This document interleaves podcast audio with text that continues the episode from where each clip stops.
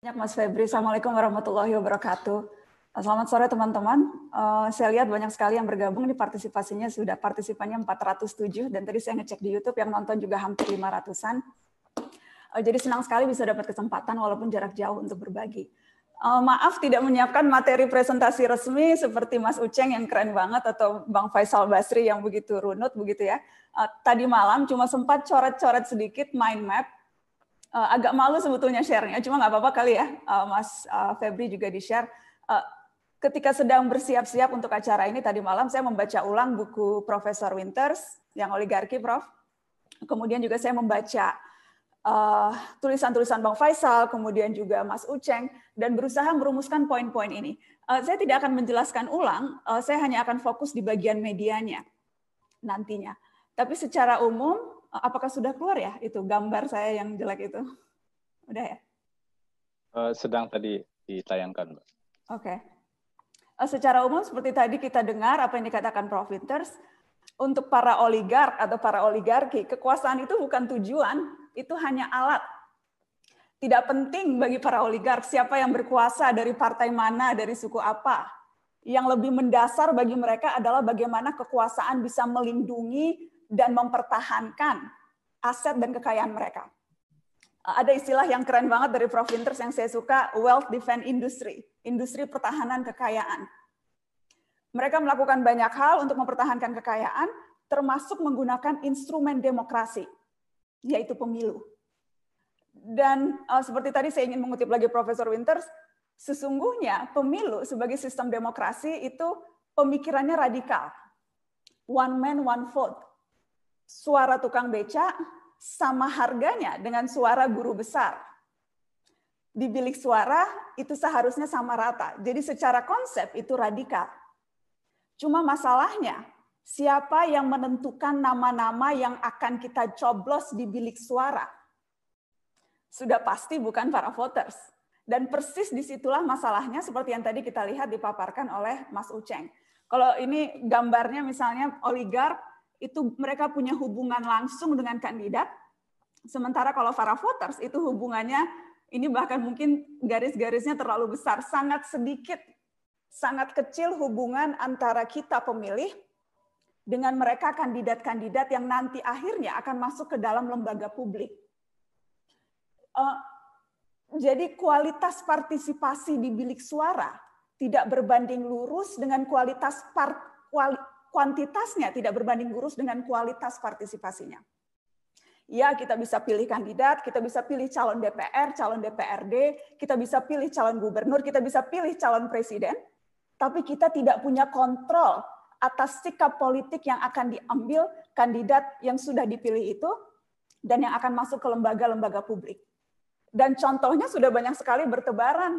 Aspirasi publik bertepuk sebelah tangan di dalam kantor-kantor resmi lembaga demokrasi kita. Contoh paling nyata, yang paling rame, revisi Undang-Undang KPK.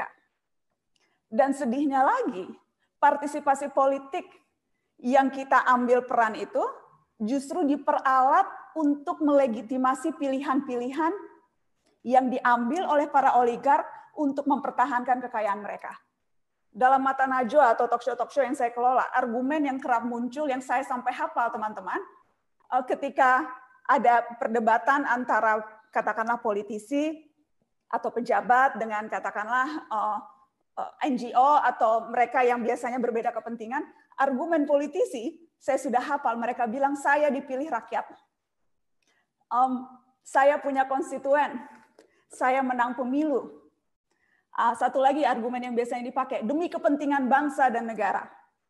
Ini menunjukkan contoh bagaimana partisipasi politik kita digunakan untuk melegitimasi mengambil keputusan-keputusan di lembaga resmi demokrasi yang tidak jarang bertentangan dengan kepentingan publik sendiri. Eh, yang tadi dicontohkan Mas Uce juga menarik ketika penyusunan eh, legislasi atau undang-undang. Itu malah nir partisipasi. Kalaupun ada partisipasinya, partisipasinya pun pilih-pilih. Jadi kita lihat bagaimana konteks yang tadi disampaikan dalam perjalanan um, satu kebijakan diambil. Um, saya mau beralih ke sebelah kanan di lembaga publik. Ketika mereka akhirnya sudah menguasai lembaga publik, ketika akhirnya pemilu menghasilkan kandidat yang juga didukung oleh para oligark, mereka akan menyeberang, mengendalikan ruang publik. Dan ini adalah pertarungan turunannya. Ruang publik berusaha dikendalikan eh, dan akan menjadi sangat mudah karena biasanya mereka memiliki akses-akses informasi yang lebih luas dan mereka tidak melakukannya sendiri ada hulu balang, uh, ada uh, kerani, ada para buzzer yang tugasnya mendistorsi dan memanipulasi ruang dan suara publik. Sehingga apa yang terjadi? Jurusnya biasanya kill the messenger.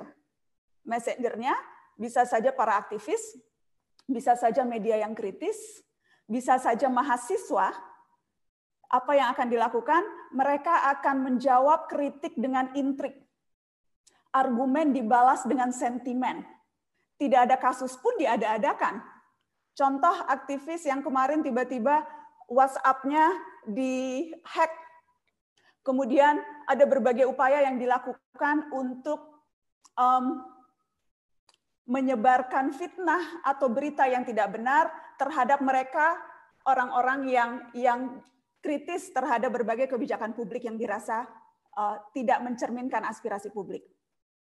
Dan jurus kill the messenger ini teman-teman, ini menjadi sangat ampuh karena kita sekarang hidup di ekosistem sosial politik yang sudah tercemar oleh polarisasi. Jadi seharusnya ruang publik kalau ada pro dan kontra itu sehat karena menghidupkan eh, karena menjadi pertarungan yang terbuka. Itu tidak lagi menjadi sehat karena sangat gampang dibelokkan semata-mata kegiatan elektoral. Jika pro pada satu isu dicapnya begini, jika kontra dicapnya begitu. Argumen yang bermutu dan sentimen yang paling tidak bermutu bisa dimasukkan dalam keranjang yang sama. Semuanya dipermak sebagai aktivitas dukung-mendukung elektoral aja. Oh, kalau mendukung KPK itu berarti ada capnya. Kemarin waktu ramai dibilangnya Taliban. Kalau misalnya uh, kritis terhadap kebijakan pemerintah pusat, wah ini pasti ada kepentingan pemerintah daerah yang lagi mengincar 2024. Apa pun argumen yang dikeluarkan, pro kontra yang seharusnya bisa menyehatkan ruang publik kita, karena polarisasi yang sedemikian tebal, semuanya dianggap kegiatan elektoral. Dan ini menurut saya yang semakin menyulitkan tugas media semakin menyulitkan tugas kita uh, para jurnalis, termasuk juga tugas teman-teman aktivis. Saya tahu yang mengikuti uh, diskusi ini ada banyak sekali, termasuk juga tadi saya lihat ada beberapa dari uh, teman-teman NGO. Menarik yang tadi Bang Faisal katakan, oligarki kerap bermain di ruang-ruang gelap. Karenanya perlu dibuat terang. Salah satu cara membuat itu terang, seharusnya dengan meliput uh, korupsi secara benar Uh, boleh di uh, poin-poin saya yang berikutnya, Mas Febri? Dan kalau kita bicara meliput korupsi, jika ingin serius, itu yang pasti bukan pekerjaan mudah, sering kali juga tidak murah, dan yang pasti tidak bisa dikerjakan secara cepat, teman-teman. Karena sekali lagi, korupsi bukan kriminalitas biasa, uh, kejahatan yang bukan hanya masif, tapi juga terstruktur dan melibatkan institusi dan orang-orang yang kuat serta berpengaruh, Karenanya yang dibutuhkan bukan hanya konsistensi, independensi, keberanian. Cuma yang lebih penting butuh keterampilan, butuh pengetahuan, dan butuh pengalaman. Dan semuanya dibutuhkan karena untuk bisa memahami berbagai hal, dari mulai aspek teknisnya yang ngejelimet, dimensi legal, uh, dimensi legal pada kasus korupsi itu biasanya sangat rumit. Uh, kita juga perlu paham tentang peta dan faksi-faksi elit politik kita juga perlu punya jejaring narasumber yang semuanya itu tidak bisa diakses kalau baru jadi reporter satu atau dua bulan. Dan tugas ini menjadi lebih menantang lagi karena landscape media kita yang berubah. Teknologi itu mengubah begitu banyak hal dalam hidup kita, termasuk bagaimana cara kita mengkonsumsi media. Tidak lagi searah, tapi dua arah. Kegiatan yang didefinisikan jurnalisme, kalau yang dulu hanya sebatas mengumpulkan, mempresentasikan, menerjemahkan, mengomentari peristiwa demi kepentingan publik, itu semua sudah bisa dilakukan bukan oleh jurnalis. Semua orang dengan teknologi sudah bisa melakukan apa yang biasa dilakukan oleh media. Banjir informasi yang kini ada di internet, lewat website, lewat blog, eh, lewat sosial media, dan kemudian semuanya gratis, itu membuat apa kalau jurnalis hanya melakukan apa yang sudah dilakukan oleh sebagian besar orang di dunia internet, itu sama saja seperti jualan es, padahal semua orang sudah punya kulkas di rumah. Itu sama saja seperti uh, jualan ensiklopedia, nggak laku, semua orang sudah punya Google untuk membuka dan mencari informasi. Jadi landscape media yang berubah ini membutuhkan keterampilan dan skill jurnalis yang bukan hanya sekedar 5W1H. Nggak cukup. Skill yang kita butuhkan sekarang bukan hanya melaporkan, tapi juga harus multidimensi tools yang digunakan juga beragam. Dengan dengan teknologi misalnya kita bisa pakai big data, kita bisa tahu sentimen positif dan negatif, kita bisa memetakan aktor, kita bisa tahu siapa yang melempar isu pertama, siapa yang menciptakan narasi. Jurnalisme sekarang dan jurnalisnya harus inklusif, harus multidimensi, harus engage dengan publik. Dan itu akhirnya yang membuat pertama menjadi semakin sulit dan yang kedua problem utama kita sekarang isunya pada akurasi, pada akuntabilitas, pada bias, dan pada kedalaman. Dan sekali lagi, kalau kita bicara liputan korupsi, empat isu ini menjadi sangat krusial. Sangat krusial. Dan diperparah dengan kompetisi media. Media seperti halnya industri mana pun itu berada di, eh, tekanan komersial persaingan media.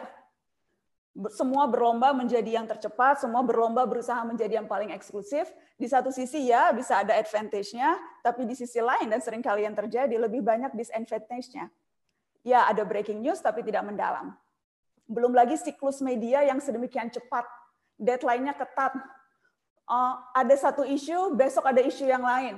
Ada satu perkembangan belum selesai tuntas, Eh, boro-boro diinvestigasi begitu ya, belum selesai tuntas untuk dilaporkan sudah muncul isu yang lain. Dan karena sekarang jurnalisnya berusaha untuk membaca tren publik, kerap kali salah menafsirkan apa yang diperlukan publik, merasa publik hanya butuhnya berita yang di permukaan. Merasa publik senangnya berita yang sensasional.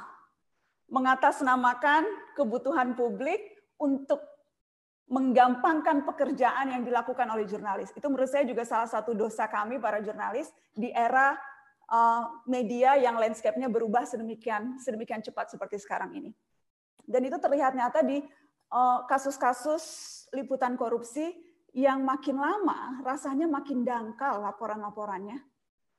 Uh, berkutat tidak melulu jauh dari skandal, skandalisasi kasus, karena sekali lagi, dianggapnya itu yang diinginkan publik. Dan yang kedua, personalisasi. Ini sebetulnya ada benarnya dan ada tidaknya. Karena di mana-mana pasti jurnalis ingin berangkat dari cerita uh, seseorang. Ada proximity misalnya, ada kedekatan atau ada ketokohan. Jadi di satu sisi ya bisa dimengerti, tapi di sisi lain kalau kasus korupsi, ada kecenderungan hanya mengubek-ngubek kasus korupsi yang melibatkan tokoh-tokoh besar yang yang um, kemungkinan tidak selalu berbanding lurus dengan kebutuhan publik untuk mengetahui kasus-kasus korupsi di bidang yang lain.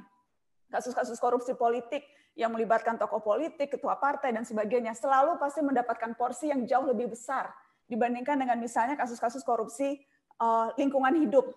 Isu yang sangat krusial, tapi mungkin saja tokohnya tidak terlalu seksi, sehingga kemudian jarang dilirik oleh media. Uh, jadi itu dua persoalan pendangkalan liputan-liputan korupsi yang menurut saya kerap kali kita alami di uh, dunia media sekarang. Dan kalau dilihat, uh, saya khawatir drama-drama yang banyak tercipta dari liputan-liputan korupsi itu akan membuat publik jenuh. Um, karena lagi-lagi sangat mudah untuk hanya fokus pada hal-hal yang sifatnya sensasi uh, mengecualikan apa yang terjadi pada kasus uh, Papa Setia Novanto ya, karena dari awal pun itu sudah penuh sensasi kasusnya, nabrak tiang listrik dan sebagainya. Tapi kalau kita ingat kasus-kasus besar sebelumnya itu pun, ketika kasus Gayus, Yang diingat orang justru ketika ia pakai wig nonton tenis misalnya. Atau kasus Fatonah zaman dulu yang diingat bukan kong kali kong dengan petinggi partai politiknya, tapi media waktu itu fokus ke bagi-bagi uang lewat perempuan. Uh, kasus Akil Mohtar, waktu itu bukan menitik beratkan soal vonis abal-abal pemilu kada dan suap kepala daerah, tapi yang waktu itu ramai soal penyanyi dangdut. Jadi sekali lagi, begitu mudah untuk membungkus kasus korupsi sedemikian rupa uh, menggunakan argumen ini yang diinginkan publik, padahal sesungguhnya itu berupa pendangkalan berbagai laporan yang seharusnya bisa jauh lebih komprehensif dan kalau mau serius memperbaiki sistem. Um, saya mau bilang ini sedikit soal independensi uh, versus netralitas. Saya merasa banyak yang suka uh, keliru mencampurkan dua istilah itu. Karena sesungguhnya independen itu beda dengan netral. Netral itu bisa diartikan tidak berpihak kepada siapa pun dan apa pun. Independen bisa dimaknai bebas dari kepentingan kecuali kepentingan publik dan kebenaran. Dan saya percaya media atau wartawan bisa saja tidak netral dengan memihak satu pihak karena menilai keburukan akan terjadi seandainya mereka tidak menyatakan keberpihakannya. Um, yang menjadi kunci adalah ketika media itu menunjukkan keberpihakan, harus dipastikan ia melewati proses yang ketat. Proses verifikasi, proses konfirmasi, karena itu adalah jantung dari jurnalisme. Verifikasi yang akan membedakan produk jurnalistik dengan produk uh, gosip. Kuncinya di verifikasi. Saya mau ngasih contoh yang yang uh, saya alami di Mata Najwa. Ketika kami berturut-turut membuat laporan dan melakukan investigasi soal skandal mafia bola. Ketika itu, uh, saya tidak netral. Ketika itu PSSI tidak pernah sekalipun mau datang ke meja mata najwa. Tapi apakah saya independen? Insya Allah independen karena saya tidak punya kepentingan apa pun kecuali kepentingan ingin sepak bola kita bersih tidak ada keinginan untuk jadi ketua umum PSSI atau pengurus PSSI, tidak punya klub, nggak peduli siapa yang menang klubnya, mau Persib, mau Persija, mau Persipura, asal menangnya bersih. Saya tidak punya kepentingan apa pun selain memastikan bahwa pertandingan di lapangan hijau tidak dikuasai mafia. Berusaha independen di sana, apakah saya netral? Oh, nggak netral tuh, PSSI nggak mau datang, dan sebagainya. Tapi menurut saya kuncinya bukan di situ sudah seharusnya media ketika tahu dan melakukan tugasnya dengan tepat, dengan cermat, melakukan verifikasi, memastikan informasi yang didapatkannya valid, sudah seharusnya tidak ada keraguan untuk menunjukkan sikap, menunjukkan keberpihakan. Kalau itu betul-betul untuk kepentingan publik dan kebenaran. Karenanya juga misalnya Mata Najwa tidak ragu beberapa kali mengangkat eh, soal revisi Undang-Undang KPK saya tahu banyak ketika itu politisi yang bilang ngapain datang ke Mata Najwa karena udah jelas-jelas kalau di Mata Najwa sikap editorialnya jelas. Uh, revisi Undang-Undang KPK itu jelas-jelas memperlemah institusi KPK. Tapi sekali lagi, menurut saya dalam kasus-kasus tertentu di mana kepentingan publik betul-betul harus dilindungi, maka media tidak seharusnya netral, tidak punya sikap apa pun, yang hanya meminjam mulut narasumber untuk mengkonfirmasi A dan kanan dan kiri. Padahal ia tahu bahwa sesungguhnya apa yang dikatakan kanan setelah lewat proses verifikasi adalah sesuatu yang tidak benar, itu justru memanipulasi publik. Jadi sekali lagi, saya tidak pernah ada keraguan untuk menunjukkan sikap. Kalau saya yakin sikap itu saya peroleh setelah saya melakukan verifikasi dan proses yang panjang lewat proses jurnalistik. Um, penutupnya mungkin ini. Um, tantangan terbesar kita sekarang ketika kita meliput apa pun, terutama meliput korupsi adalah masyarakat kita cepat lupa. Short attention span. Ada satu penelitian tuh, dalam situasi normal orang cuma ingat kurang lebih 5% dari isi berita. Di, suatu, di situasi yang tidak normal, breaking news dan sebagainya, mungkin presentasinya bisa sedikit lebih tinggi.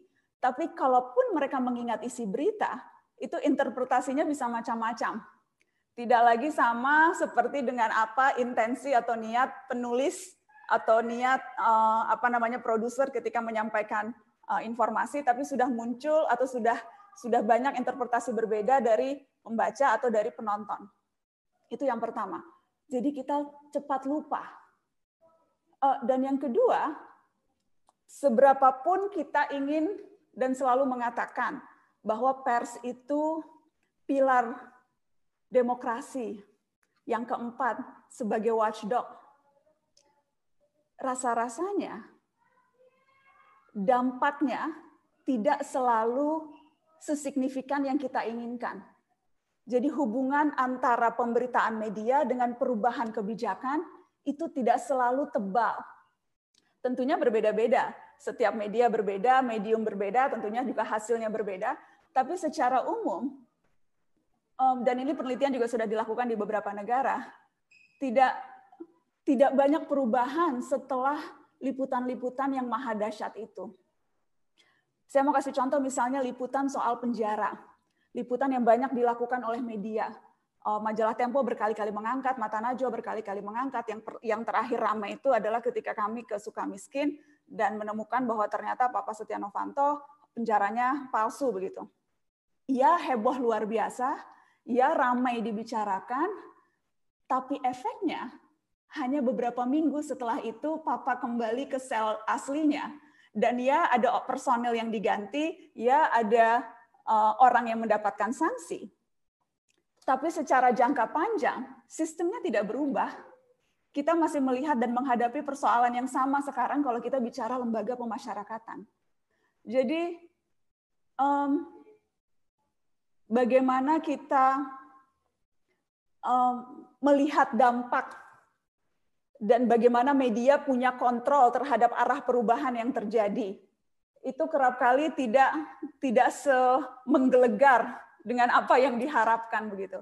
Dan itu juga akhirnya yang membuat para wartawan, uh, saya paham terkadang teman-teman merasa pesimis begitu ya. Kalau mengangkat ya paling uh, apa namanya ramai di awal, tapi apakah akan ada perubahan sistem? Itu tidak selalu terjadi, bahkan seringnya tidak terjadi. Ya, bisa mengubah sikap orang di bilik suara, nggak jadi milih A atau B mungkin. Ya, bisa bantu bikin pemerintah agak sedikit takut kalau kemudian mau diliput. Uh, tetapi apakah berubah secara sistemik dan sebagainya, itu rasa-rasanya masih belum sampai ke sana. Um, karenanya menurut saya perlu ada satu hal yang dilakukan kalau kita ingin dan mengembangkan jurnalisme uh, menjadi tidak hanya semata saluran suara publik, tapi juga bisa bermuara pada tindakan-tindakan kolektif orang yang memang menghendaki perubahan. Kuncinya di kolaborasi. Uh, dan kolaborasi ini dilakukan dan seharusnya dilakukan dengan banyak pihak. Kolaborasi antar media misalnya. Itu sudah dicontohkan misalnya ketika uh, teman-teman media bergabung dalam Indonesia Leaks yang kemudian sempat ramai dengan pemberitaan buku merah, eh, kolaborasi yang dilakukan antar media itu bukan hanya eh, saling memperkuat media masing-masing, tetapi akan menjadikan benteng yang lebih kuat ketika menghadapi serangan-serangan pihak-pihak yang merasa terganggu kepentingannya dengan pemberitaan media. Kolaborasi dengan uh, aktivis masyarakat sipil atau dengan NGO itu juga sesuatu yang bisa dilakukan. Khusus kasus mafia bola kemarin misalnya uh, yang Mata Najwa lakukan adalah kita berkolaborasi dengan stakeholder sepak bola yang lain, dengan komunitas uh, supporter, kemudian juga kita uh, mengajak polisi yang kemudian akhirnya membentuk Satgas Mafia Bola, dan dari situ kita lihat ada perubahan yang terjadi. Tetapi pemberitaan media saja sering kali tidak cukup. Harus didorong sehingga berdampak nyata dengan melibatkan pihak-pihak yang lain. Eh, di kasus mafia bola itu menjadi contoh yang menurut saya uh, lumayan begitu. Ketika kita lihat ada 11 tersangka, tidak pernah dalam sejarah sepak bola Indonesia ada mafia bola yang kemudian masuk ke dalam uh, sidang, di sidang dan kemudian difonis penjara. Tidak pernah ada sejarahnya. Itu bisa terjadi ya ada liputan media, tetapi juga dorongan masyarakat pencinta sepak bola yang luar biasa lewat komunitas supporter, dan ada lembaga penegak hukum, mereka yang memang punya tangan untuk bisa uh, melakukan sesuatu lewat sistem. Jadi jadi menurut saya kalau kita berharap jurnalisme bisa membawa dampak yang lebih nyata, ruang kolaborasi dan ruang untuk mendorong orang melakukan perubahan lewat tindakan-tindakan bersama itu yang eh, harus terus kita dorong. Eh, saya rasa itu Mas Febri supaya tidak terlalu lama sudah lama sekali rasanya. Thank you Mas.